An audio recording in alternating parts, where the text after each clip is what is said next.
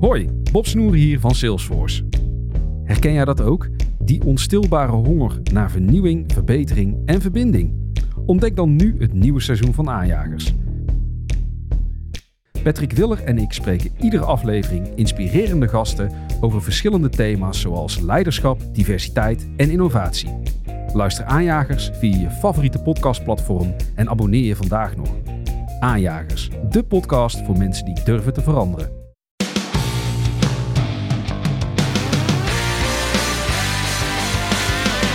Welkom bij mijn Drive Podcast, waarin ik, Mark Tuitert, op zoek ga naar de drijfveren van allerlei inspirerende mensen. Van atleten, ondernemers, wetenschappers tot artiesten. Deze podcast wordt mede mogelijk gemaakt door First Energy Gum. Dit is mijn eigen bedrijf waar ik kort je aandacht voor wil vragen. Met First maken wij een energy gum met cafeïne, die je directe energie geeft om meer uit je dag te halen. First zorgt voor meer energie en focus voor het sporten, studeren, werken of autorijden.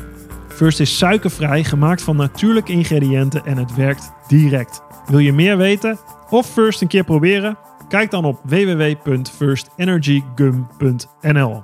Met Quinten Schevernels heb ik het over startups. Zelf ging hij van intercedent bij Randstad naar de media- en technologiewereld, alwaar hij carrière maakte. Momenteel is hij investeerder en CEO van Funda. Op het Funda hoofdkantoor spreek ik met hem over de routes die je als start-up kan volgen, van product naar markt naar opschalen. Luister naar en leer van Quinten Schevernels. Quinten Schevernels, ehm, ik zit hier op het hoofdkantoor van Funda, waar jij de CEO bent. Ja. Daar gaan we het niet uh, heel lang over hebben. Want ik wil het met jou hebben, uiteraard aan het einde wel. Maar ik wil het graag met jou hebben over start-ups. Over ondernemen. Um, over, over luisteraars die. Uh, ik krijg daar veel vragen over. over hè, hoe ga je van een idee? Hoe, hoe bouw je een bedrijf? Waar moet je op letten? Waar kun je tegenaan lopen? Et cetera, et cetera. Nou, ik heb er zelf mee te maken. Uh, jij hebt er veel ervaring uit. Je, je, je adviseert start-ups. Je, je zit in de wereld. Uh, je hebt er een boek over geschreven van suits, uh, suits en hoodies. Ja. ja. Dus van het pakken naar de, de hele mooie start-up metafoor met een t-shirtje en een capuchontrui. Um, maar eerst begin uh, bij het begin. Waar ben jij gestart? Je bent als intercedent bij Randstad gestart. Dus ja. echt uh, ja. boots on the ground. Zeker. Hoe is jouw carrière uh, in het kort opgebouwd naar, naar het leven van ondernemen, start-ups? Mm, ja. ja, als je wat ouder wordt, wordt dat verhaal steeds langer. Dus ik ga het wel een beetje ja. beknopt uh, doen. Maar ik ben inderdaad begonnen met, uh, met werken als intercedent bij, uh, bij Randstad. En dat was eigenlijk een verrassend ondernemende baan. Want dan werd je gewoon gedropt op een vestiging. En eigenlijk een beetje van zoek het zelf maar uit. En ik heb zeven jaar uiteindelijk bij Randstad gewerkt. Ben daar ook vestigingsmanager geworden, mm -hmm. districtsmanager geworden. Uh, voor mij eigenlijk een soort opleiding geweest. Dus ik ben heel erg gevormd al hoe ik kijk naar het runnen van een bedrijf, het managen van een team. Hoe dan? Uh, Heb je een voorbeeld? Ja, ja heel veel. Uh, Randstad heeft hele uitgebreide management development programma's. En eigenlijk twee dingen die gewoon in mijn systeem zitten daardoor heel erg gericht op de output die echt belangrijk is. Dus het monitoren tot op individueel intercedentenniveau van week tot week. Uh, wat was je input en wat is de output? Mm -hmm. Dus dat metrics denken, dat uh, zit heel diep in het DNA van, uh, van Randstad. Heel resultaatgericht. Ja, heel erg, heel erg. ik ben ook heel competitief, dus dat past ook heel goed bij mij.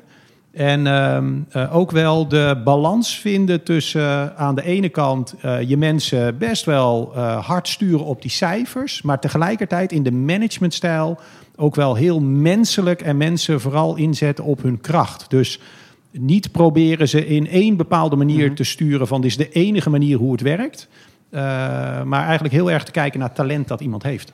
En Frits Goldsmeding, de, de baas, ja. de oprichter ja. van. Ja, Heb je daar nog iets van meegekregen? Ja, zeker. Ja, zeker. Ja, in die tijd was uh, Frits Goldsmeding zelf ook echt nog actief in het bedrijf. En ik had een beetje geluk dat ik uh, vestigingen had in de buurt van het hoofdkantoor. Dus wij kregen Frits Goldsmeding ook nog wel eens vermomd als lasser op een vestiging. En dan kwam hij zich inschrijven. En intercedenten herkende die man natuurlijk helemaal niet.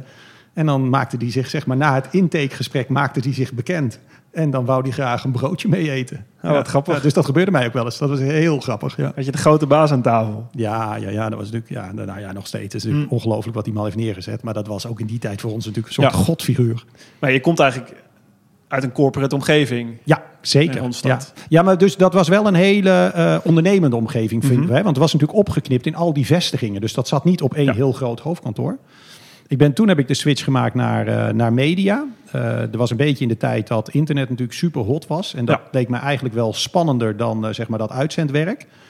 En toen ben ik terechtgekomen bij, bij de Telegraaf. In die tijd was dat nog het grootste mediabedrijf in Nederland.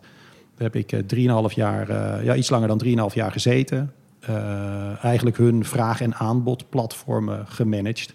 Speurders was dat toch? Ja, speurders gelanceerd, eh, maar ook eh, Relatieplanet bijvoorbeeld gekocht. Een jobboard laten bouwen en gelanceerd. Dus eigenlijk al die verschillende vertical markten, daar, Mhm. eh, daar was ik dan verantwoordelijk voor. Dat was voor mij een hele mooie stap, omdat ik natuurlijk in één keer ook te maken kreeg met eh, technologie, engineers, online marketing. Allemaal onderwerpen waar ik natuurlijk bij Randstad niets mee had gedaan. Nee. Het was ook een hele mooie leercurve voor mijzelf. Ja, dat zijn onderwerpen die nu eh, zo... Ja, dat, draait de wereld om, zou je Ja. bijna zeggen. Helemaal nu in coronatijd nog een keer extra. Ja, Digitaal.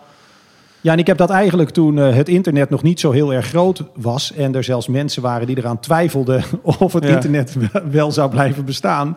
Heb ik al heel veel uren kunnen maken in, Mhm. eh, in, in die digitale wereld. Dus dat is op zich heel fijn. Dus je, eigenlijk de mediahoek, Ja, die kant ja. ben je opgegaan. Want ik, Ja. dat vind ik wel een interessante combinatie. Ik, ik volg eh, veel, eh, sowieso op Twitter. eh Navel Ravikant kan je denk ik Ja, Nou, ja. Die ken je ook uiteraard, Ber- beroemde investeerder in Silicon Valley.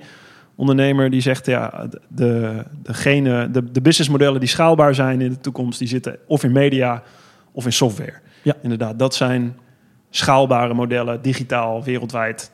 Ja. Dus dat is de richting. Ja, nou ja, en het was ook de, zeg maar in die tijd dat eh, eh, media, dat was ook een van de eerste categorieën die werd gedigitaliseerd. Ja. Hè? Dus dat, dat was ook heel aantrekkelijk, omdat daar, weet je, de consument ging al naar het internet toe, eh, advertentieinkomsten in kranten werden minder, dus er Ja. zat ook echt urgentie, er zat ook redelijk financieel, waren er behoorlijk veel middelen om dingen te doen. Ze hadden Dus- alleen geen, idee hoe je het moest doen. misschien. Nee, nee, helemaal niet. Nee, nee dat is ook eh, uiteindelijk. Nou ja, God, de Telegraaf is nu natuurlijk absoluut niet meer een van de grootste mediabedrijven in Nederland. Dus dat, eh, ja, dat, Ja. dat vertelt het verhaal wel, zeg maar. Ja. Ja. Ik ben, toen kreeg ik eh, de kans na een aantal jaren bij de Telegraaf om mee te doen in de management buyout van, van VNU Media. Dat was in Nederland zeg maar de partij die intermediair, tweakers, managementteam, Sprout, e-mers. Dus eigenlijk een heleboel eigenlijk wat meer gespecialiseerde titels had. En eh, ik heb meegedaan in die management buyout met een private equity bedrijf. Ja. En eh, ben daar eigenlijk verantwoordelijk geworden vanuit de directie voor eh, alle online media. En dat heb ik vijf jaar gedaan tot we het bedrijf verkochten. Mhm. Dat was eigenlijk voor het eerst dat ik echt een beetje meer ondernemend werd. Want ik moest natuurlijk ook in die buy-out. Ja, dan moet je ook gewoon geld inbrengen. En dan krijg je een deel van de aandelen. Ja. En eh, dan is natuurlijk de private equity partij de grote aandeelhouder. Maar Ja. dan voel je je ook echt wel eh, owner, zeg maar. van ja, je hebt echt skin in de game. Je hebt geld ingelegd. Je hebt Ja, gezegd, dan eh, moest ik ook echt lenen. Dat geld had ik helemaal niet. Dus ik Ja. moest ook echt naar mijn vader gaan en vragen van... zou je me wat kunnen lenen? Dus ik, Oh, ging ja? er, ik ging er ook wel echt in, ja. Ja, Wat zei je vader? Prima. ja, prima. Ja, moest natuurlijk wel even op Maar hoeveel, papier- ga- maar hoeveel gaat het er ongeveer over? Nee, daar kan je je wel een paar mooie sportauto's van kopen. Oké. Ja, dus het is niet, niet miljoenen of zo. Nee. Maar terecht, zo'n private equity partij wil dan ook echt wel van... heb je ook echt skin in de game? Ja. Dus als het niet goed gaat, dat het ook echt pijn doet. Maar als Ja. het goed gaat, dat het ook echt met jou goed gaat. Ja, zo'n, dus een partij, die, hè, er, er komt een partij bij die geld inbrengt. Een private equity partij. En tegelijkertijd zeggen, hé hey jongens, eh, als Ja. we dit gaan doen, eh, wie wil er mee? Maar dan is dit eh, de voorwaarde om echt mee te doen. Ja, ja, maar ik kan me voorstellen dat het, als je ambitieus bent, een redelijk jonge hond, dat je denkt van, eh, bring it on. Ja, precies. ja, toch? Nee, nee, nee, nee. Dus toen ik daarvoor gebeld werd, was ook echt... eh, ik was helemaal niet bezig met weggaan bij de Telegraaf. Maar ik Ja. werd gebeld en er zat een redelijk serieuze deadline aan. Ja. En toen eh, van het een op het andere moment eh, besloot ik ook... eh, dit, dit ga ik gewoon doen. Hm. Ja. En hoe zag je dat voor je, zeg maar? Want die hele wereld, die, die mediawereld is zo verschrikkelijk veranderd. Daar is helemaal niks meer van heel gebleven. Nee. Eh, hoe was dat? Had jij zelf al een idee, het gaat hier naartoe, dit, hier moeten we volop inzetten? Ja, ja dus wat, dat was ook wel de, eh, de case die de private equity partij had gemaakt, samen met het management dat Mhm. er zat. Was ook echt een case om heel zwaar in te zetten op de online titels, Ja. de online verdienmodellen. En daarmee ook eigenlijk gewoon eh, heel agressief de eigen printposities aan te vallen. Eigenlijk, het werd gewoon een bedrijf apart Ja. van de print. Ja. Dit wordt gewoon een online bedrijf. Ja, En eh, Ja, ja, en met name bij Intermediair Mhm. was dat heel eh, fascinerend eigenlijk hoe we dat hebben gedaan. Dus je had Intermediair Weekblad, hè, wat sommige Mhm. mensen misschien nog kennen. Dan kreeg je als je hoger opgeleid was, kreeg je iedere week kreeg je Intermediair Weekblad. Heel veel personeelsadvertenties. Extreem winstgevende printtitel. ja. En we hebben daarnaast Intermediair Online neergezet. Gewoon echt met een eigen eindverantwoordelijk, eigen marketingteam, eigen salesteam. En die concurreerden dus heel vaak gewoon bij de klant aan tafel om die advertentie. Waarbij we ook gewoon de intermediair online verkoper ook gewoon lieten zeggen... je kan het beter online doen dan in print. Ja, en kwamen, die, hij- kwamen die twee verschillende onderdelen bij elkaar tegen bij het koffieautomaat? Of? ja, ja, ja, dus dat, maar, Gezellig. da- ja, dat is, nou ja, nee, maar dat is wel. eh, Kijk, die, die strijd bij de klant was al gaande. Ja. Alleen eh, daar zat daar bijvoorbeeld een monsterbord aan tafel. Ja. En wij besloten, wij moeten ook aan tafel zitten. En dat had ik wel een beetje geleerd uit mijn tijd bij Randstad. hè. Mhm. Frits Goldsmeding zei ook: ik wil eh, gewoon het gevecht aan tafel hebben bij de klant. Dus we hebben twee labels: Randstad en Tempo Team. Ja. En zoek het maar lekker uit. Ja, En dat werkte heel erg goed. Ja. Ja. En hoe is dat, eh, hoe is dat afgelopen? Eh, nou, wij, dat, is een, dat is, vind ik, qua transitie echt wel een succesverhaal geworden. Dus we hebben in, eh, in vijf jaar tijd, toen we het bedrijf kochten, was nou, ongeveer 10% van onze business was online business. Mhm. En toen we het vijf jaar later verkochten, was meer dan 90% van onze business wat, was online business geworden. Dus Ja. wij zijn echt eh, eh, met intermediair online, maar ook met tweakers en met Nationale Vacaturebank, bedrijf dat we ook gekocht hadden Ja. hadden we eigenlijk gewoon drie eigen scale-ups in huis. Die eh, in die vijf jaar echt, nou ja, wel meer dan Mhm. een paar keer over de kop zijn gegaan. Qua omvang, omzet, winstgevendheid. Wat was dat na vijf jaar qua omvang? Waar heb je het dan over? Nou, dan heb je het over, ik denk in totaal, dat als je even die drie labels pakt, dat Mhm. waren onze grotere online labels. Dat was denk ik zo 250, 300 man personeel. Ik denk dat we bij elkaar zo'n, mm, wat zal dat zijn geweest, 60, 70 miljoen euro omzet. Met ja, Ja. online titels, dus een marge boven de 50 procent. Dus Zo. ja, extreem aantrekkelijke Oh. titels. Ja, ja. En eh, daar ben je eh, uitgekocht. Ja, we hebben dat verkocht aan, eh, aan ja, dat, heet, dat heette toen nog de persgroep. Tegenwoordig heet Ja. dat DPG. DPG. Eh, maar die, eh, daar hebben we uiteindelijk het bedrijf aan verkocht. En toen we het verkochten, ben ik ook weggegaan. Ik, ik wou niet terug naar weer, zeg maar, toch een meer krant georiënteerd Mhm. bedrijf. En toen ben ik CEO geweest van Layer. Ja. Echt natuurlijk helemaal een soort aan de forefront van mobile augmented reality. Even heel kort acht jaar geleden augmented reality is. Ja, Ja. ja, het is Voor de eigenlijk mensen die denken van, waar heeft Ja. hij het godsnaam over? Ja, het is letterlijk vertaald, is het echt verrijkte werkelijkheid. Hè? Dus wat, eh, wat, wat, wat wij, eh, wij deden, is dat je eigenlijk eh, het, de, de camera van je telefoon opende. Die richtte je ergens op. En dan verrijkten wij eigenlijk eh, wat je zag met eh, informatie op je scherm. Dus nou, Ja. ja, op zich wel grappig. Een van de toepassingen was een Funda-toepassing. Ja. En dan stond je voor een huis in Amsterdam. Dat was te koop. Je hield je camera ervoor. Wij herkenden met de app op basis van de locatie en het kompas, zeg maar, welk huis dat moest zijn. En dan kreeg je gewoon op het scherm van je telefoon, kon je swipen door de interieurfoto's. Eh, kon je zien wat de vraagprijs van die woning was. Ja. Zat er een knopje dat je de makelaar kon bellen. Dus heel eh, eh, En dit was in 2012. eh, 12. 12. Nog ja. heel vroeg als je er nu bij nadenkt. Super vroeg. Het is nog steeds heel vroeg, want dit soort toepassingen worden nog steeds nauwelijks gebruikt. Nee. Maar het wa- was voor mij achteraf heel erg leuk om een keer in zo'n vroege fase, zeg maar, een ja, beetje tussen start-up en scale-up. Dus we hadden 60 man personeel, hadden zo'n 25 miljoen funding opgehaald. Dus best wel serieus. En wanneer kwam jij daarin? Eigenlijk toen de Series B, die was denk ik anderhalf jaar daarvoor was die gesloten. Dat was 20 miljoen funding. Ja. En eigenlijk toen het founder team en de investeerders op het punt kwamen van ja, dit gaat nu wel een beetje lastig worden. Ja. Want het is heel gimmicky en we krijgen heel veel publiciteit. Maar om echt door te pakken naar een product dat waarde toevoegt, waar gebruikers misschien bereid zijn voor te betalen. Eh, ja, daar worstelden ze, worstelden ze enorm mee. En eh, nou, op een gegeven moment zeiden ze, we hebben iemand anders voor nodig die dat gaat doen. En, eh, nou ja, Dus jij kwam eigenlijk ook aan boord om, om de groei te managen. Echt van een start-up, echt schalen. Ja, er dat was, er was helemaal, zoals je dat dan zo mooi noemt, er was helemaal geen product market fit. Ja. je kon je zelfs wel de vraag stellen of er een problem-solution fit was, die eigenlijk daarvoor nog zit. Hè? Wat is Ja. nou eigenlijk het probleem dat je oplost en is dit een serieus probleem? Mhm. Eh, dat was wel echt een van de vragen die daar meteen op tafel lag. Ja. Ja. Maar was- dus wein- weinig omzet en wel 60 man personeel. Eh, ja, dan verbrand je veel geld. Dus dan heb je, dat is een soort vliegtuig waarvan je weet, dit, het kerosine is dadelijk op. Oh jee, wat gaat er gebeuren? Maar dat was al sturen eigenlijk op een verkoop ook. Eh, nou, in eerste instantie niet. Hm. Dus eh, in eerste instantie echt naar van eh, wat voor businessmodellen kunnen we introduceren, Ja. op welke markt moeten we ons richten en kunnen we daar voldoende tractie krijgen dat we ook Ja. echt zelf nou, dat vliegtuig weer flink omhoog kunnen krijgen. En toen dat eigenlijk na anderhalf jaar dat wel duidelijk was dat, Ja. die, dat eigenlijk de markt er gewoon helemaal nog niet aan toe was. toen ben ik eigenlijk geswitcht naar een scenario van ja, ik zie dit de komende vier, vijf jaar echt niet groot worden. Eh, we hebben hele mooie technologie. We hebben een heel bekend merk zeg maar, in die industrie, internationaal.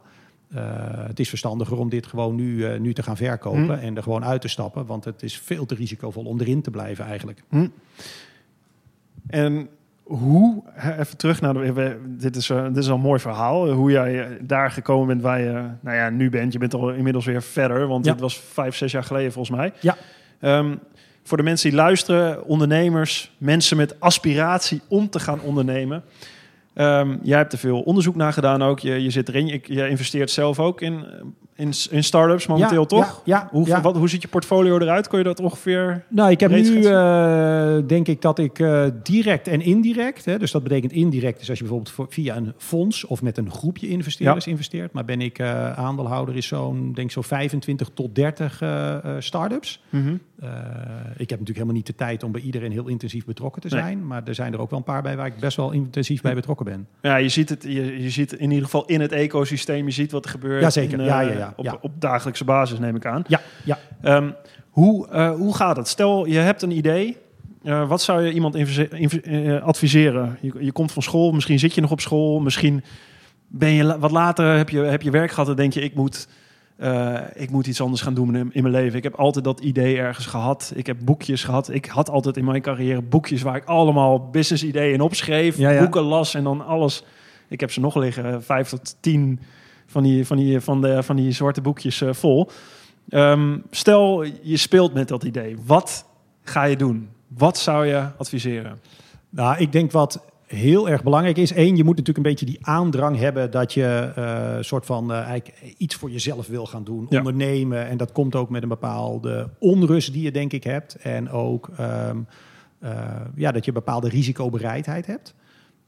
En dan denk ik dat het allerbelangrijk is dat je op zoek gaat naar een, een, een idee. Ik noem het vaak een probleem dat de moeite waard is om op te lossen. Dus ik kom best wel veel enthousiaste jonge ondernemers tegen. En die hebben dan een idee ehm, wat eigenlijk helemaal niet zo goed gevalideerd is. Dus als je dan echt de vraag stelt van, maar wie zit nou eigenlijk te wachten op jouw oplossing en jouw idee? Eh, dat ze dan een beetje, ja, ik denk misschien wel die en die en die. Heb je een voorbeeld? Ehm, nou, als je even een recent voorbeeld dat ik had, moet ik even denken. Ehm, ja, ik heb een tijdje terug heb ik een eh, partij gesproken en die waren bezig met eh, in de blockchain eh, eh, rechten, nou, dat is wel relevant trouwens voor jou, van ehm, eh, topsporters, zeg maar, op voorhand te verkopen. Dus dan kon je via de blockchain Ja. kon je voor een stukje eigenaar worden van de topsporter en de toekomst van zijn carrière. ja. Maar als je dan daarop ging prikken van, oké, daar heb je dus meerdere partijen nodig hè, die daar ergens aan deel willen nemen. ja. En ja, daar was eigenlijk helemaal niet over nagedacht van, maar waarom zou überhaupt een topsporter of de agent van de topsporter, waarom zou die dit in hemelsnaam doen? Dat verhaal was helemaal niet goed uitgedacht. Maar dan heb je gewoon helemaal niks. Want als die niet mee willen doen, als Ja. er niet een soort probleem is wat je oplost of wat dan ook, dan gaat dit model nooit draaien. Dus dan moet jij terug naar de tekentafel. Mhm. Ga nou met die doelgroep zitten. Ga met ze in gesprek waar ze tegenaan lopen. Dat hadden ze niet gedaan. Nee, nog onvoldoende. Ja. Ja. En ik, weet- misschien zijn ze inmiddels wat verder hoor, maar dat, dat is dan direct het advies dat ik ze geef. Dat Ja. ik zeg, volgens mij is je verhaal gewoon nog helemaal niet af. Ja. Ja, grappig. Topsportrechten. Ik zit er even over na te denken of dat... eh, Ja, ik denk heel veel sporters... ehm, wat je wil is natuurlijk je sportcarrière gefinancierd hebben. Je wil een sponsor hebben. Ja. Ehm, en dat is een lange termijn relatie. Ik heb wel wat ik, ik, ik zie hier ook de vraag niet 1, 2, 3 in. Wat ik, wat ik wel ik, ik zou dan meteen denken van, ik ga al meteen denken. Uh, dus ik, er zou wel ruimte zijn, denk ik, voor een fonds of iets van topsporters. Uh, waar topsporters zelf in mee zouden kunnen participeren. Waardoor ze onderdeel zijn van een groter geheel waar ze hun merkwaarde ergens instoppen. Oh ja, wat ja. andersom gedacht eventjes. Ja, ja, Niet, ja, ik- waar ze het- investeren in waar, waar ze eigenlijk zelf feitelijk. investeren in startups of daar een bijdrage in leveren. En dan dat een soort dat je een, een athlete company fit hebt in plaats van een Ja. product market fit. Niet op sponsorniveau, maar echt op eigenschap, eigenaarschapsniveau. Ja, ja. Maar goed, dat is weer een ander idee. Ja, maar maar- dan, dan zeg jij tegen die mensen: Oké, je hebt er niet goed over nagedacht. Ga terug naar de tafel. Want er is misschien, de, ik, ik ben er niet van overtuigd of er nou een behoefte is aan dit product. Maar aan de Ja. andere kant zou je kunnen zeggen: Ja, het is allemaal mooi. Ehm, eh, Henry Ford zei het ook. I want faster. uh, if I asked people what they want, they would have said faster horses. Ja. Toen, hij, eh, toen hij de auto ging, eh, ging uitvinden en, en naar de massa bracht. Nee, maar je moet dus, dit is heel belangrijk. Hè? Mhm. Want dit, het gaat dus niet zozeer erom dat je naar eh, de klant of je beoogde klant moet luisteren Ja. en dan moet volgen wat de oplossing is die de klant voorstelt. Mhm. Ik denk dat je heel goed moet luisteren naar wat is nou eigenlijk het probleem. En daarna moet jij als ondernemer de oplossing gaan verzinnen. Je moet zeker Ja. niet je klant zomaar volgen in de oplossing die hij voorstelt. Nee. Dus Henry Ford had echt wel door dat dat paard ja, ging dus niet snel genoeg. Dat was het probleem. Ja. En mensen hadden waarschijnlijk gezegd, snellere paarden. Ja, die oplossing moet je niet naar luisteren. Maar je moet wel teruggaan naar dat probleem. hey, er zijn heel veel mensen die vinden dat dat paard niet snel genoeg is. Kan ik iets verzinnen dat sneller is dan dat paard? Ja. Nou ja, dat heeft hij dan gedaan. Precies, dat is een belangrijk verschil. Je gaat naar de oplossing. Je gaat niet naar je klant toe en je vraagt van... hé, hey, eh, wat moeten wij doen? Nee, Dat is totaal een andere manier van denken. ja, exact. En als je dat weet, je hebt een idee, je denkt... oké, ik heb het getest. Nou, dat begint denk ik in vriendengroepen of eh, kennissen. Ja, ja. Ehm, en dan? En heel vaak testen ook nog. eh, niet eens zozeer dat je dan allerlei dingen moet gaan bouwen. Dus dat je al Mhm. per se een website moet hebben of een app moet hebben. Maar dat testen, die validatie kan je ook doen door... Hè, dan heb je met iemand gesproken van oké, nou dat is het probleem waar iemand tegenaan loopt, noem maar op. En dan kom je een paar weken later terug. Dan zeg je, weet je nog, we hebben het over dat probleem gehad. Ik heb er eens over nagedacht hoe ik dat wellicht zou kunnen oplossen. Ja. En ik heb dit en dit en dit bedacht. Denk je als ik dat zou gaan doen, als ik dat zou bouwen... dat ik jouw product zou oplossen of niet? En dan ga je eigenlijk weer valideren en je, nou, ik denk het niet. Maar waarom dan niet? Wat zou je nog missen? En dan ben je eigenlijk heel veel gewoon aan het praten en aan het onderzoeken. En pas daarna, als je daar denkt van, hé, hey, verrek, nu los ik het probleem echt op. Als ik het zo zou doen, dan denk ik nou ja, dat de gebruikers, de klanten, heel blij gaan worden. Ja.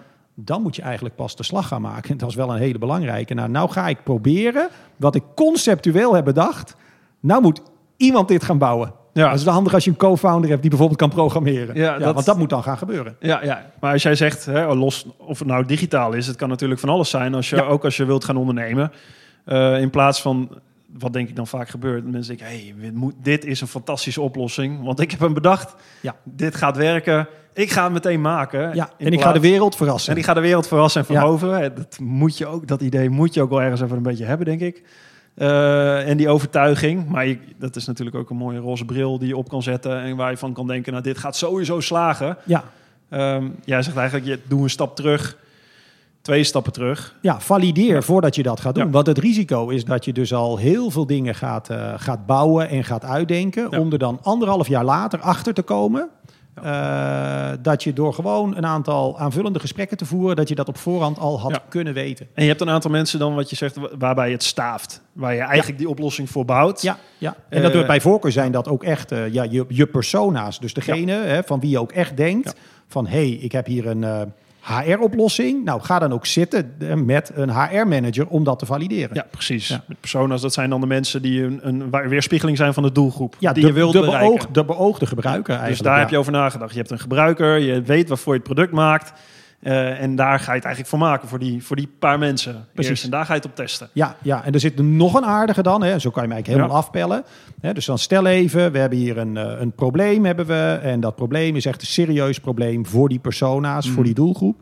Dus dat is de moeite waard om te kijken of je het probleem kan oplossen. En dan is eigenlijk nog een aanvullende vraag die ik altijd stel... als ik een beetje wil inschatten Mhm. hoeveel kans van slagen heeft dit. Hoeveel van die persona's lopen er eigenlijk rond? Dus is dit een hele kleine groep met potentiële gebruikers, klanten? Of is dit een probleem wat bij een hele grote groep speelt? Dat noemen ze dan vaak ook hè, de total addressable markt. Ja. Hoe groot is nou eigenlijk de markt waar je uiteindelijk, als je dit goed doet, Ja.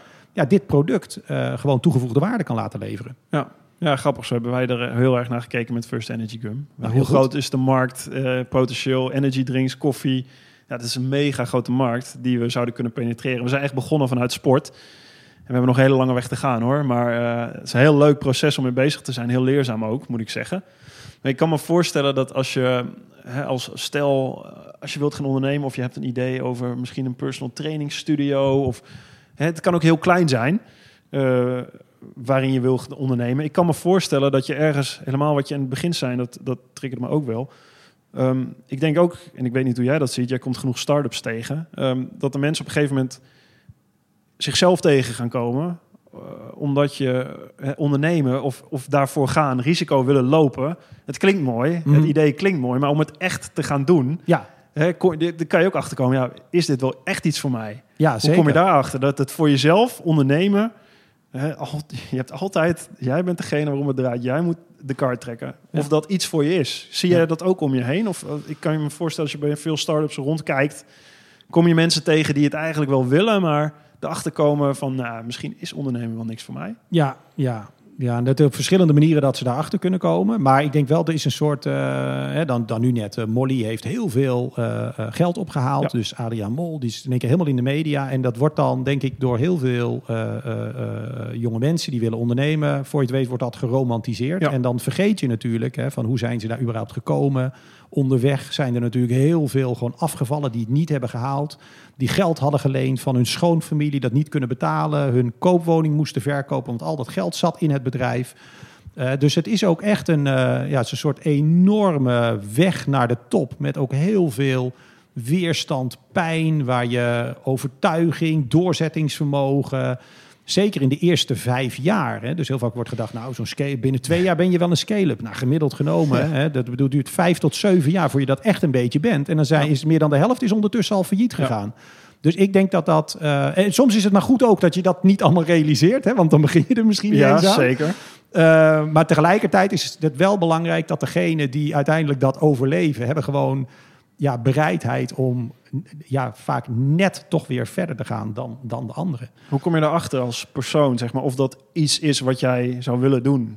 Je kan een mooi idee hebben, maar Ja. Nou, ik denk dat het sowieso zinvol kan zijn dan om gewoon met een aantal mensen, voordat je echt aan zo'n avontuur Ja. begint, met een aantal mensen erover te gaan praten die nou ja, zoiets alles hebben geprobeerd. Ja. En dan niet alleen maar degene die heel succesvol waren, maar gewoon eens even rondvragen. Met dan een beetje inschatting proberen te Ja. maken van ja, wat staat me eigenlijk te wachten? Ja. Ja, en dan denk ik, eerlijk gezegd, is het uiteindelijk maar één manier om er dan achter te komen. En als je echt het gevoel hebt van ik moet dit doen, dan moet je het ook gewoon maar doen. ja, En dan eh, ja, spring je in het water en dan zie je vanzelf wel eh, wat er gaat gebeuren. Ja. mooi. En daarna, als je het zeg maar, je wilt gaan doen, je gaat het doen, je hebt een test gedaan. ehm, nou, er, er blijkt ergens een, een, eh, een fit te zijn. Mhm. Dus je zegt, hè, je, hebt, je denkt van, hé, hey, hier zit iets. Of de mensen waarmee je overlegt, die zijn enthousiast. Dan gaat het dus echt beginnen. Ja, ja, ja, dan ga je echt de volgende fase in. Dus dan heb je eigenlijk, eh, wat ik net al een beetje noemde, die term, dan heb je de problem-solution fit. Hè? Ja. Dus je hebt dat probleem gevonden. Conceptueel heb je daar een oplossing voor. Ja. Nou, dan moet je dus dat product, hè, nou ja, site, app, maar kan ook een fysiek product zijn Mhm. of kan ook een dienst zijn. Die ga je dan daadwerkelijk ontwikkelen. Eh, en dan ga je eigenlijk weer terug naar die persona's die je hebt gesproken. En dan ga je zeggen, weet je nog, een half jaar geleden zaten we bij elkaar. Mhm. En hebben we het over je probleem gehad. En ik heb geschetst, nou zo kan ik het op. Was je ook enthousiast over? Moet je eens kijken, nu heb ik het gemaakt. Wil je het eens proberen? Ja, en dat moment is heel bepalend. Want is het je gelukt om wat je conceptueel had bedacht als de oplossing... krijg je dat ook als werkend MVP of prototype, hoe je dat ook wil noemen... in de handen van je klant. En Ja. als die het dan gebruikt, zegt hij, nou verrek, dit is je gelukt. Of dat hij zegt, ik snap wat je bedoelde. Maar dit werkt totaal niet, want Ja. nou ja, wat er dan ook komt. En die, die stap maken, eh, ja, dat is eigenlijk de zoektocht naar je product market fit. Hè, want die product market fit is natuurlijk dat uiteindelijk die persona's tegen jou zeggen: Ja. verrek, dat is echt knap. Jij mag niet, ja, je mag wel weggaan, maar je moet dat hier bij mij achterlaten, want je lost mijn probleem op. En als ik ervoor moet betalen, is het ook goed. Eh, Zo gaat het natuurlijk niet altijd één Ja. op één. Maar dat idee, dat moet je dan hebben. Maar als je nou, ehm, als je die, die eh, product market fit zoekt, zeg maar, ehm, en je denkt van, hé, hey, ik, ik heb daar iemand bij nodig. Hè? Want we gaan nu uit van, van iemand die een idee heeft. Maar ik kan me voorstellen dat je, dat je jezelf tegenkomt. Dat je denkt van ja, ik moet nu iets gaan bouwen. Maar ik kan dit helemaal eigenlijk niet. Of ik heb daar andere mensen bij nodig. Founders of ik kom mensen tegen. Hoe kijk je daarna? Hoe, hoe kijk je naar je, kun je naar jezelf kijken op een manier van ik wil daar komen. Ik heb met mensen gesproken. Kan ik dit zelf? Kun je een soort self-assessment maken in Begrijp je wat ik bedoel? Ja, ja, ja, dat je, dat kan zeggen, kan je dat? Hè? Ik kan me voorstellen als je jong bent en je gaat ergens voor, dan hup, knuppel in het hoenderhok, je stoot je, eh, je hoofd tien keer en je denkt, oh ja, dit. Dit, dit, dit is niet zo goed. Ik heb hulp nodig. Ja. Ja, nou, ik denk dat dat wel een, eh, dat is best wel een lastige, omdat je soms eh, weet je niet wat je niet weet. Hè? Ja. Dus ook ja, als er iets gebouwd moet gaan worden, eh, als je daar zelf geen ervaring mee hebt, omdat Mhm. je gewoon een beetje commerciële student bent, eh, dan kan je daar natuurlijk enorm eh, zeg maar in verslikken. Dat ja, je dan een bedrijf daarvoor invuurt van een beetje funding dat je hebt en die moeten iets bouwen en je weet eigenlijk niet precies hoe het werkt. Dus daar zie je ook dat de, hè, dus een paar dingen die zijn dan wel Mhm. interessant. Dat eh, ehm, eh, succesvolle ondernemers zijn vaak degene, de succesvolle start-ups die eerder al een keer een start-up hebben gehad. Oftewel die leergeld hebben betaald. Ja. Dus het is heel handig als je koppel hebt gestoten. In het volgende avontuur is de kans dat je slaagt gewoon groter. En de meest succesvolle start-up teams, en het is niet dat ik het verzin, daar is Mhm. allerlei onderzoek naar gedaan, bestaan uit drie personen. Dus drie founder teams zijn statistisch de meest succesvolle. Ja, oh, God, Daarna twee founder, dan vier. Ja. En single founder is eigenlijk als investeerder, als je het gewoon benadert, statistisch als roulette, Ja, kan je dat maar niet beter niet doen. Het is niet dat dat nooit lukt, maar statistisch is dat risicovoller. En die drie founders, wat het eigenlijk zegt, is Mhm. dat je dus ook eh, verschillende ervaringen en competenties moet hebben. Dus Ja. als jij bijvoorbeeld, als je bezig bent met technologie, waar ik natuurlijk veel naar Mhm. kijk, eh, dan is het wel verdomd handig dat je iemand hebt zitten die gewoon goed die gesprekken kan voeren met een klant, dat kan inschatten. Dus een beetje strategisch, communicatief. Maar dat je ook iemand hebt die daar bij wijze van spreken naast kan zitten en kan denken: hoe ga ik dat nou vertalen in een product? Welke technologie heb ik dan nodig? Want als je dat daarna erbij moet zoeken, eh, dat, dat- daar zou ik ook absoluut niet in investeren. Hè. Dus alleen maar goed idee. Ik heb het gecheckt bij, eh, bij mijn klanten. Ik investeer risicovol early stage. Mhm. Maar als je daar dat team nog niet compleet hebt, ja, dat is echt Nee. gedoemd om fout te gaan. Oké, want dan heb je niet de power om het daadwerkelijk te bouwen. Precies, ja. En dan weet je eigenlijk ook niet echt waar je het over hebt. Het zegt mij al heel veel als je dan funding gaat ophalen zonder dat je dat al geregeld hebt. Ja. Misschien ook wel als je denkt, oh dat besteed ik wel even uit, terwijl je dat in je hele leven nog nooit hebt gemanaged, zo'n project. Ja. Ja, dan is de kans dat, eh, dat mijn funding zeg maar Ja. wordt verbrand, is heel erg groot. Ja. Stel, je hebt, je hebt dat team samen, je gaat het bouwen. Ehm, je gaat eh, misschien een kantoortje huren of je gaat ergens beginnen. Ehm, wat, wat gebeurt er daarna? Ja, ik heb het zelf ook gedaan. Mhm. Eh, ik zit er zelf eh, middenin. We zijn al iets verder, gelukkig.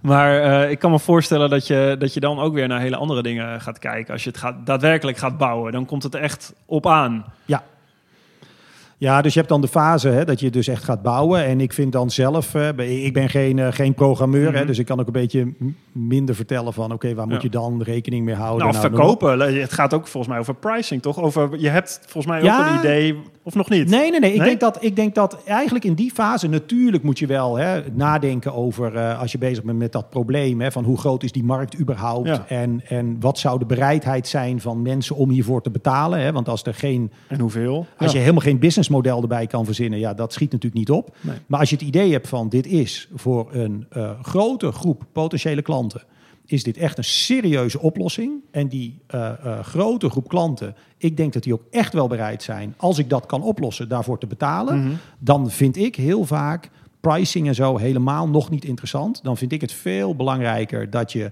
op het moment dat je die vertaling gaat maken naar het product, dat je überhaupt die klanten eerst maar eens blij gaat maken, dat Ja. je het probleem oplost. Dat je ziet van, hé, hey, dat is gelukt. Want als je daarvoor in het definiëren van die markt al geborgd hebt dat het een grote markt is, waar ook echt wel eh, geld in omgaat, Mhm. ja, dan kom je daarna wel uit businessmodel, prijsstellingen, noem maar op. Hier zullen ongetwijfeld een aantal mensen het niet met mij eens zijn. Ja. Dat is prima, maar ik durf dat zelf wel aan dan. Ja, dan vind je wel een manier om eh, eh, gewoon geld ervoor te gaan vragen.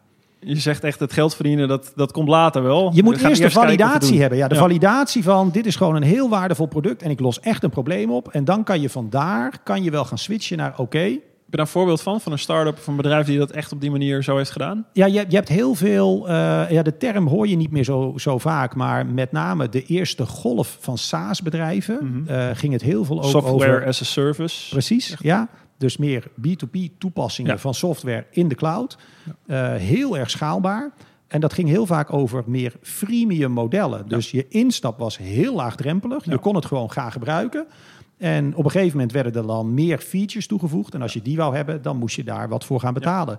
Dus daar werd heel bewust gekeken naar. We willen eerst uh, gewoon dat je het gaat gebruiken. Uh -huh. Dat we zien of jij dit wel, welke klanten gebruiken dit nou heel intensief. Ja. En daarna gaan we erover nadenken van oké, okay, hoe kunnen we dit gaan monetizen? Ja. ja. maar ik kan me voorstellen als je een bedrijf begint dat je ook wel denkt van oké, okay, ik, uh, nou, dit hou ik al een jaartje vol een beetje spaargeld erin. Ja. Maar ja, er moet ook geld verdiend worden uh, een keer. Ja. Is het dan na twee? Ik denk dat hier heel veel misgaat. Dat mensen al te snel misschien verwachten echt geld ergens uit te kunnen halen. Terwijl ja. je nog op het punt bent om te bouwen. En dan ben je misschien al twee, twee jaar onderweg. Misschien een jaar. Misschien ja. ja. Ja, dus je moet zorgen dat je daar uh, tijd hebt. Dus dat betekent sowieso heel zuinig zijn met het geld dat je uitgeeft. Uh, maar ik denk ook op het moment dat je aan al die criteria voldoet, grote markt, serieus mm -hmm. probleem oplossen en dat je bewezen hebt dat uh, een kleine groep klanten al heel enthousiast is over jouw oplossing, uh, dan hoef je nog niet eens betalende klanten te hebben, maar dan, dan haal je vrij makkelijk haal je funding op. Er is mm Mhm. -hmm. uiteindelijk heel veel geld beschikbaar.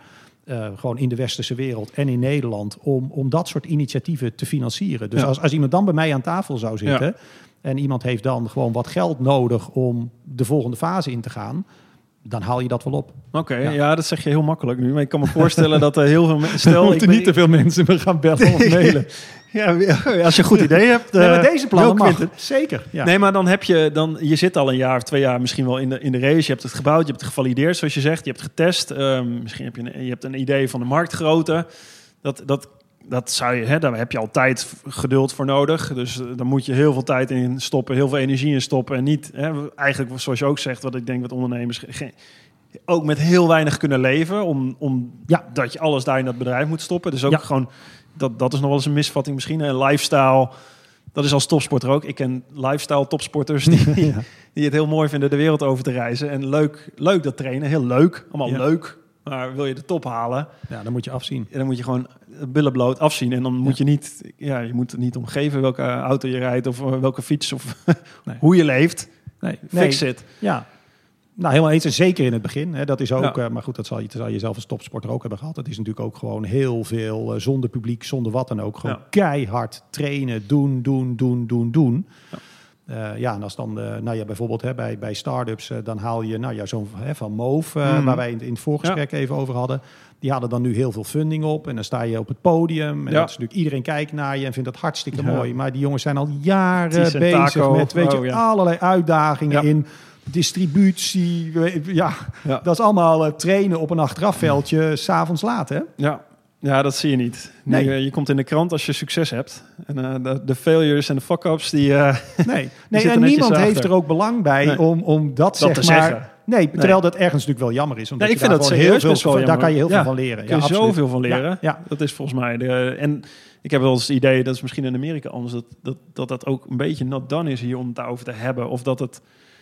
Het is een soort... Wel een beetje meer, heb ik het Hmm. idee hoor. Nog steeds wel voorzichtig, maar wel een beetje meer. En ik heb zelf ook, dit is inmiddels al Mhm. vier, vijf jaar geleden dat ik mijn boek schreef. Maar ik heb ook echt wel eh, heel bewust in het boek dat ik dacht van... ik wil hier ook echt gewoon een aantal dingen, gewoon voorbeelden gaan benoemen... waarvan ik echt achteraf denk, jezus Quinteman, dat is wel een fuck-up. Wat? Eh, nou ja, ik, ik, ik weet nog goed dat wij hadden een heel groot project bij, eh, bij, bij, bij VNU Media.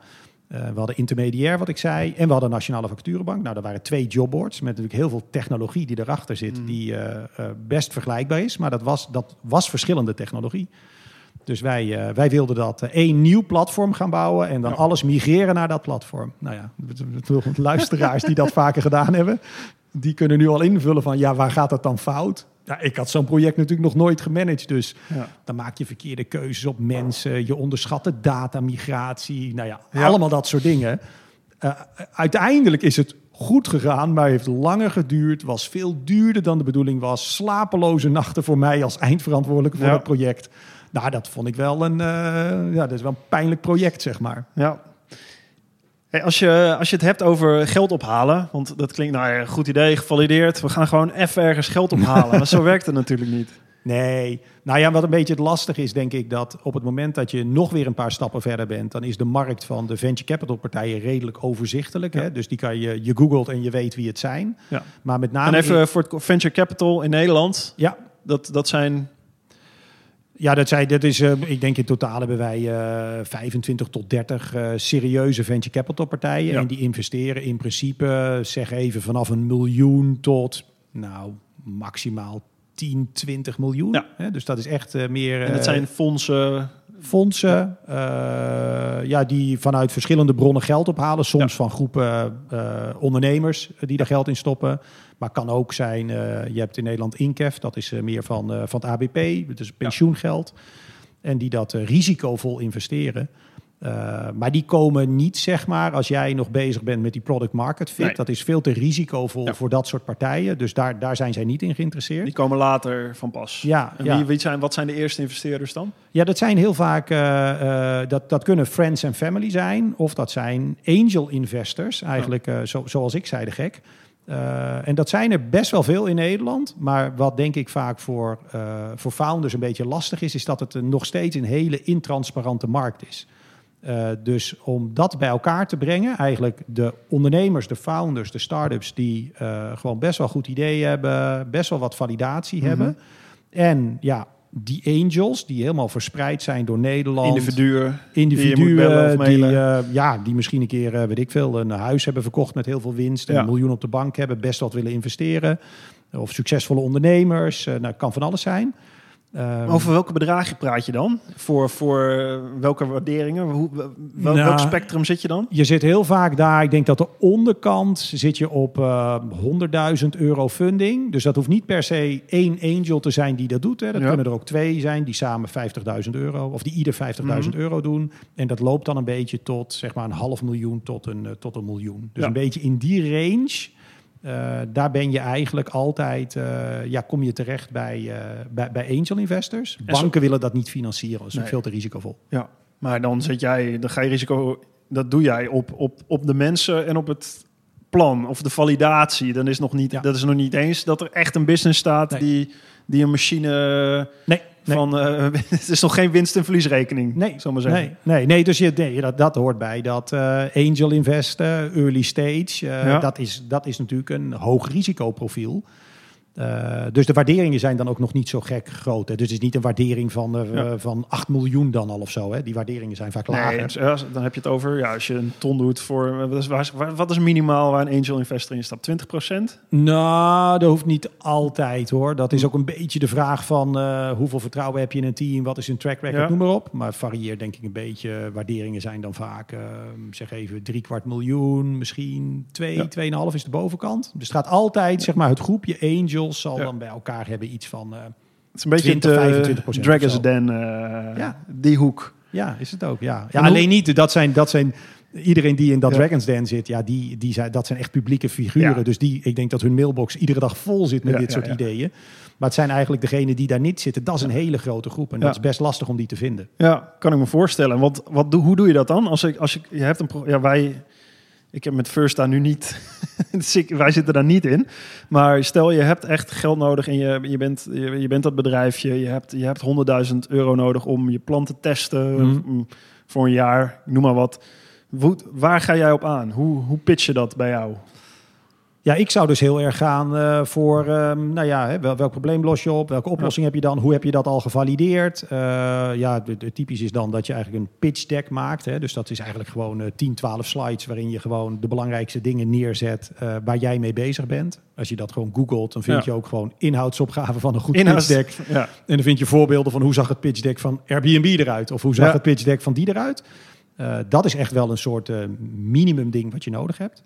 En dan heb je een eh, gesprek. En als dat goed gaat, dan heb je nog een gesprek. Daar ben ik inmiddels wel, heb ik wat meer ervaring, een leergeld betaald, eh, dat ik niet na één gesprek al investeer. Dat heb ik in het verleden wel eens gedaan. Ja. Maar dat was toch wel erg eh bullish, zeg Mhm. maar. Dus dat doe ik niet meer. Dus ik wil wel dan ook echt zo'n team meerdere keren ontmoeten. Bijna alsof het een soort sollicitatiegesprek is. ja. Uh, waarin ze mij ook beter leren kennen. Waarin ik ook een beetje zie van, oh wacht even. Nou, dat eerste gesprek was ik daar enthousiast over. Maar als ik eigenlijk nu die dynamiek tussen die gasten zie, weet ik niet of dat zo'n goed Ja. idee is. Uh, ja, en dan uiteindelijk, als uh, je een aantal gesprekken hebt gehad, informatie hebt uitgewisseld, ja, dan is het gewoon van: heb je interesse om te investeren, ja of nee? En dan, nou ja, ik neem aan dat ze heel helder moeten hebben ook waar ze het geld aan uitgeven. Absoluut, ja, sowieso. Ja, nee, en als dat, ik bedoel, ik heb echt wel eens, uh, nou ja, wel eens meerdere keren meegemaakt.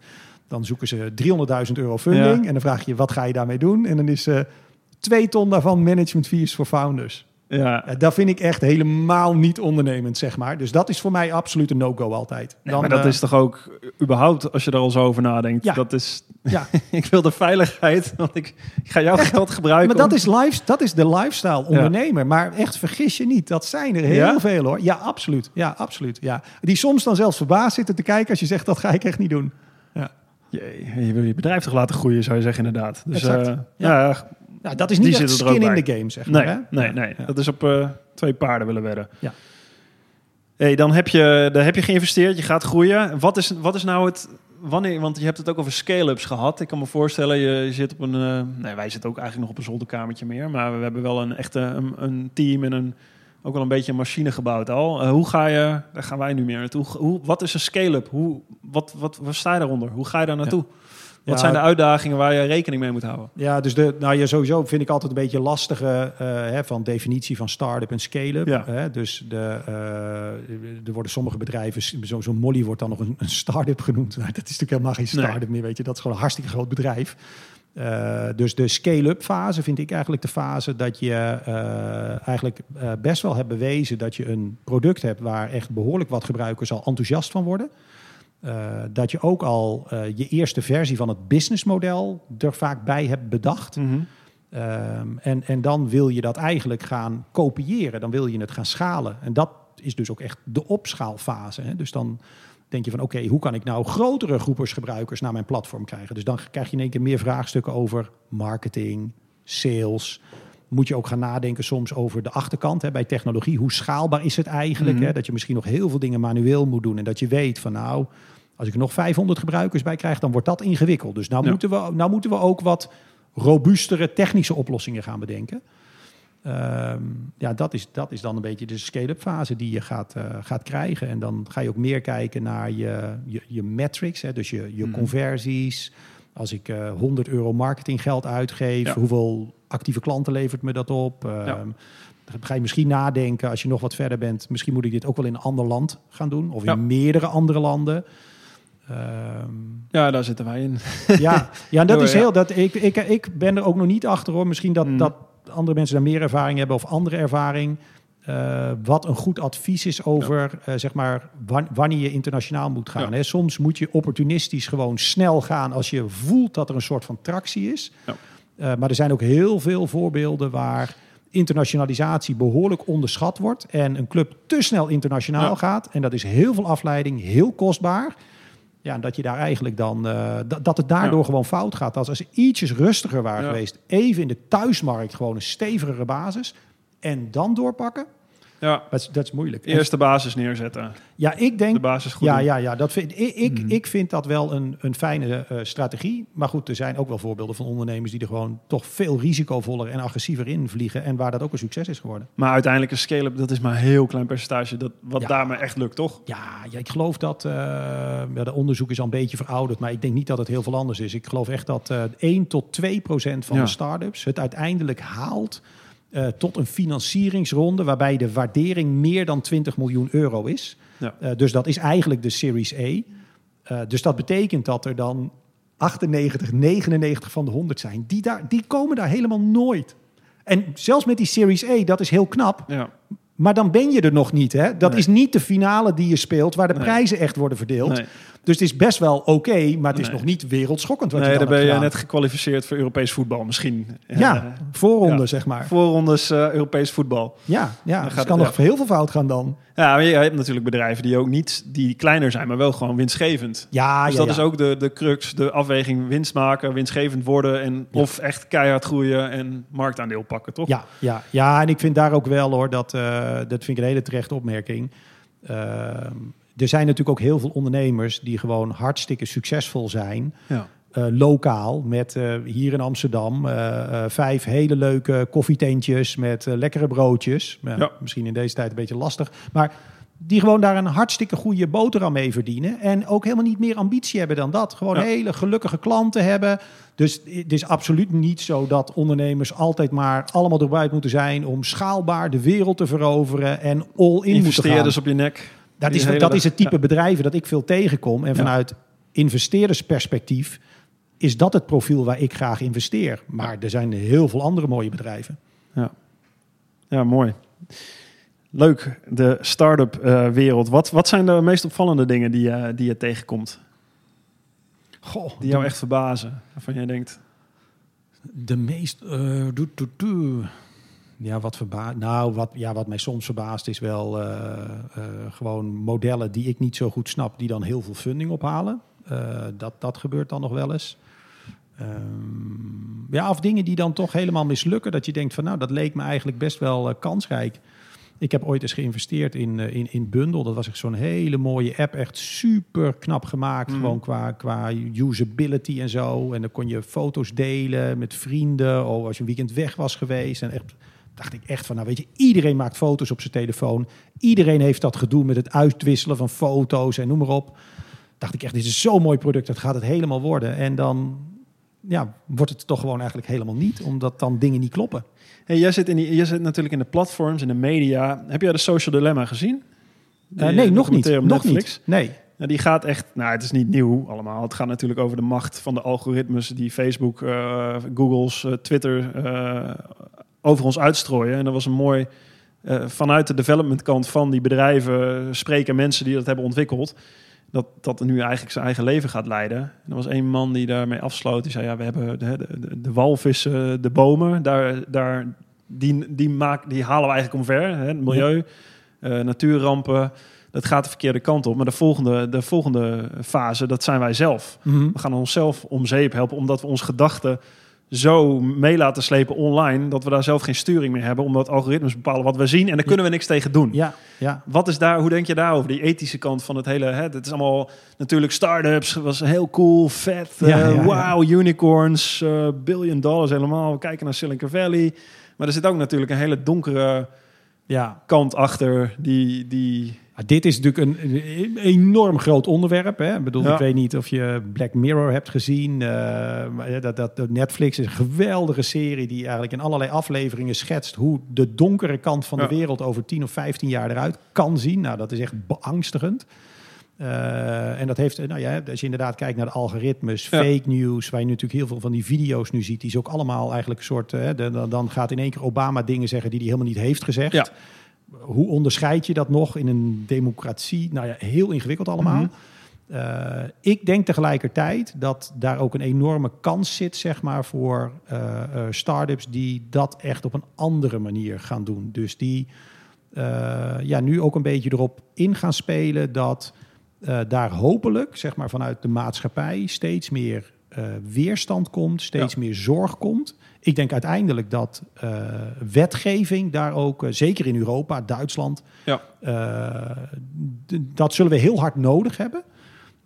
en ik denk dat dat ook weer heel veel kansen, kansen gaat bieden. maar ja, ben je daar hoe, positief, netto of negatief Nee, heel bezorgd. Omdat ik wel het idee heb dat het al zo ver is met heel veel dingen... dat het best wel moeilijk wordt om dat weer terug in de doos te krijgen, zeg maar. Ja. Uh, dus daar ben ik, ik ben een heel uh, positief mens en zo. Maar als ik daarover ga nadenken, en je hebt daar ook best wel wat uh, goede boeken die daarover geschreven zijn. Zoals? Nou, je hebt, um, hoe heet die, die um, van Homo Deus, ja. is dat Harari? Harari, Harari ja. ja. ja, Nou ja, dat, dat laatste boek van hem, dan, dat lees je en dan denk je wel, oh man, waar gaat dit naartoe? Ja. en hebben we wel door op welk traject we eigenlijk zitten? Ja. Ja, en ik ben dan ook, eh, ja, nou, je hebt zo'n stroming mensen die nou, maar de mensheid heeft zichzelf altijd opnieuw uitgevonden en zus en zo. Ik ben bang dat dat een beetje naïef is. Ja. Uh, ja. Maar er liggen kansen dus ook. Ja, er liggen enorm veel kansen. Ja. enorm veel kansen. En ik hoop dat de, dat de kracht van die kansen en de mhm. power die erachter komt, dat die sterk genoeg is om eigenlijk de andere druk die erin zit, om dat gewoon uh, te overheersen. Ja. Hey, en uh, voor jezelf, want jij bent uh, uit leer gegaan. Je hebt een boek geschreven daarna, even rustig aan gedaan. Maar ik, daarna ben jij gewoon CEO van Funda geworden. Waarom? Dat, ik neem aan dat je dat niet financieel hoeft te doen. Nee. Uh, ik neem aan dat het te maken heeft met, met drijfveren. Ja, zeker. Ja, ja, ja. ja dus ik heb inderdaad uh, na de verkoop van Leer in 2014... heb ik echt... De kinderen waren nog wat jonger, dus ik heb drie kinderen. Die waren toen echt nog jong. Uh, dat ik het gewoon heel lekker vond om gewoon eens wat tijd te hebben met die kinderen. En toen kreeg ik het idee om een boek te gaan schrijven. Ik werd toen gevraagd her en der van... joh, wil je misschien commissaris worden? Wil je ja. wat investeren? En zo vulde mijn agenda zich eigenlijk. En waar ik had gedacht, ik heb een soort break van zes maanden... Uh, werd dat nou, dik, dik drieënhalf jaar. En wat ik merkte is dat ik dat heel leuk vond. Want ik ontmoette natuurlijk heel veel investeerders. Ik sprak heel ja. veel op congressen. We ontmoetten allemaal leuke mensen. Maar wat ik heel erg merkte is dat uh, de vrijheid die ik heel erg waardeerde... Uh, die werd op een gegeven moment vrijblijvendheid. Want ik zat natuurlijk met een team waar ik dan 5% van de aandelen had. Dan zat ik één keer in het kwartaal. Ja. En dan zat ik een kwartaal later weer. En soms hadden ze hele goede dingen gedaan. En soms dingen, dan dacht ik van, oh man, dat hadden we toch vorige keer al besproken. Mhm.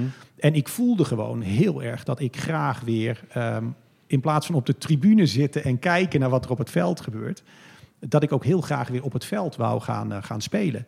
En ik ben zelf niet iemand qua profiel die op nul begint, zeg maar. Ja. Dat, dat, ik ben meer, dan zou ik bijna willen zeggen, een soort ondernemende manager dan dat Ja. ik echt zo'n fase nul ondernemer ben. Um, dus toen ben ik eigenlijk omheen gewoon wat gesprekken gaan voeren met uh, wat private equity partijen, met wat headhunters. Dat ik eigenlijk wel weer gewoon ook met een team, niet te groot, niet meer dan 300, 400 man of zo. Ja. Met een heel mooi merk, met veel potentieel. Dat ik daar gewoon echt weer wat wou gaan bouwen. En uh, nou, een van de dingen die op mijn pad kwam was, uh, was Funda. Ja. En uh, nou ja, geweldig mooi merk waar je veel meer mee kan doen dan, dan we toen deden. En ook nog dan we vandaag de dag doen. Uh, in Amsterdam 100, 150 man, veel developers, dus behoorlijk wat talent aan boord. Ja, ik heb hier Ja. rondgekeken op het kantoor. Dat is allemaal uh, Ja. veel, veel. Ja, je ziet het ook aan de, de, de, de, de- wat er allemaal op de muur Ja, hangt. de maar borden, dat de is schermen. voornamelijk uh, development. ja, ja. Ja, dus en, en natuurlijk een Mhm. heel, uh, hele sterke positie ook in de markt waar je ook echt dingen mee kan doen. Hè? Dus je hoeft uh, eigenlijk heel veel van die dingen Ja. die ik net schetste, waar Ja. je naar kijkt voor een bedrijf om op te bouwen. Ja, het is natuurlijk overduidelijk dat, uh, dat, dat Funda gewoon qua toegevoegde waarde voor, voor mensen in Nederland, makelaars, maar ook de financiële positie. Ja, dit is wel meer dan een scale-up. Dit is gewoon Ja. echt een, ja, een van de succesvollere Nederlandse internetbedrijven. Dus om daar zeg maar verantwoordelijk voor te zijn en te kijken van wat kan je daar verder allemaal nog mee doen. Hmm. Ja, dat is superleuk. En ondertussen een beetje jonge honden. Ja, en dat, hebben, dat is ook heel, dat kan ik ook Ja. gewoon zo zeggen, omdat het heel duidelijk ook met mijn commissaris zo is afgesproken. Hè. Ik ben natuurlijk gewoon eh, by far het grootste deel van mijn week bezig met, met Funda. Ja. Ik heb daar gelukkig ook een heel sterk team zitten, maar ik heb daaromheen ook gewoon eh, zeg maar de tijd, wel minder dan ik voorheen deed natuurlijk, Ja. om, eh, om te investeren of, of, of met jou te praten. Ja, leuk. Wat, uh, wat, tot slot, wat, wat zeg je tegen, tegen die, uh, al die start-ups, tegen nou, jonge honden, oude honden misschien ook wel? Um, wat, wat is de cruciale factor uh, voor mensen die nu denken en dit gehoord hebben van ja, ik wil gaan ondernemen, nou, ik moet het zo aanpakken, zo aanpakken. Wat is iets wat ze echt mee moeten nemen? Ja, ik zou dan toch, en dat is niet alleen vanuit het perspectief van je product en je klant, hè, van welk probleem los je nou eigenlijk op. Maar ik denk bij heel veel dingen die je doet, eigenlijk steeds de vraag stellen: waarom doe ik dit nou eigenlijk en waarom nu? Dus ik merk gewoon zeker als je veel energie hebt en nog jong en onervaren bent, uh, dat je jezelf enorm kan verliezen, heel hard kan werken, allerlei dingen aan het doen bent. Maar ben je nou eigenlijk wel de juiste dingen aan het doen? Dus steeds de vraag stellen: waarom doe ik dit eigenlijk? Wat levert dit op en waarom doe ik het nu? Is dit nou echt de beste investering van mijn tijd? En dat merk ik zelf ook, naarmate je ouder wordt, dat het niet eens zozeer is dat ik uh, slimmer ben of wat dan ook, maar je bent ervarener. En ervarener voor mij betekent bijvoorbeeld dat je veel beter weet waar je wel en niet je tijd aan moet besteden. En ik denk dat dat voor heel veel jonge, gretige ondernemers, dat die eigenlijk nog een beetje moeten leren van wanneer ga je nou wel achter een bal aanhollen en wanneer laat je hem gewoon lopen. Wat doet er echt toe en wat niet? Een rondje schaatsen voor jou op de training, supersnel. Nee, Olympische Spelen, finale, daar moet je het doen. Dus ja, dat, dat inschatten wanneer je er moet staan en wanneer niet. Dat, uh, daar, daar goed over nadenken. Piek op het juiste moment. Absoluut, cruciaal. Alright, gaan we meenemen. Dankjewel, Quinten. Graag gedaan. Dank voor het luisteren naar mijn Drive podcast. Je vindt mijn aflevering op Spotify, iTunes, YouTube en mijn website marktuitert.nl. Laat me weten wat je van mijn podcast vindt en deel dat via Instagram, Twitter, LinkedIn of Facebook. Heb je suggesties voor gasten? Stuur me dan een DM via die kanalen. Tot de volgende Drive podcast. Goed, Mark.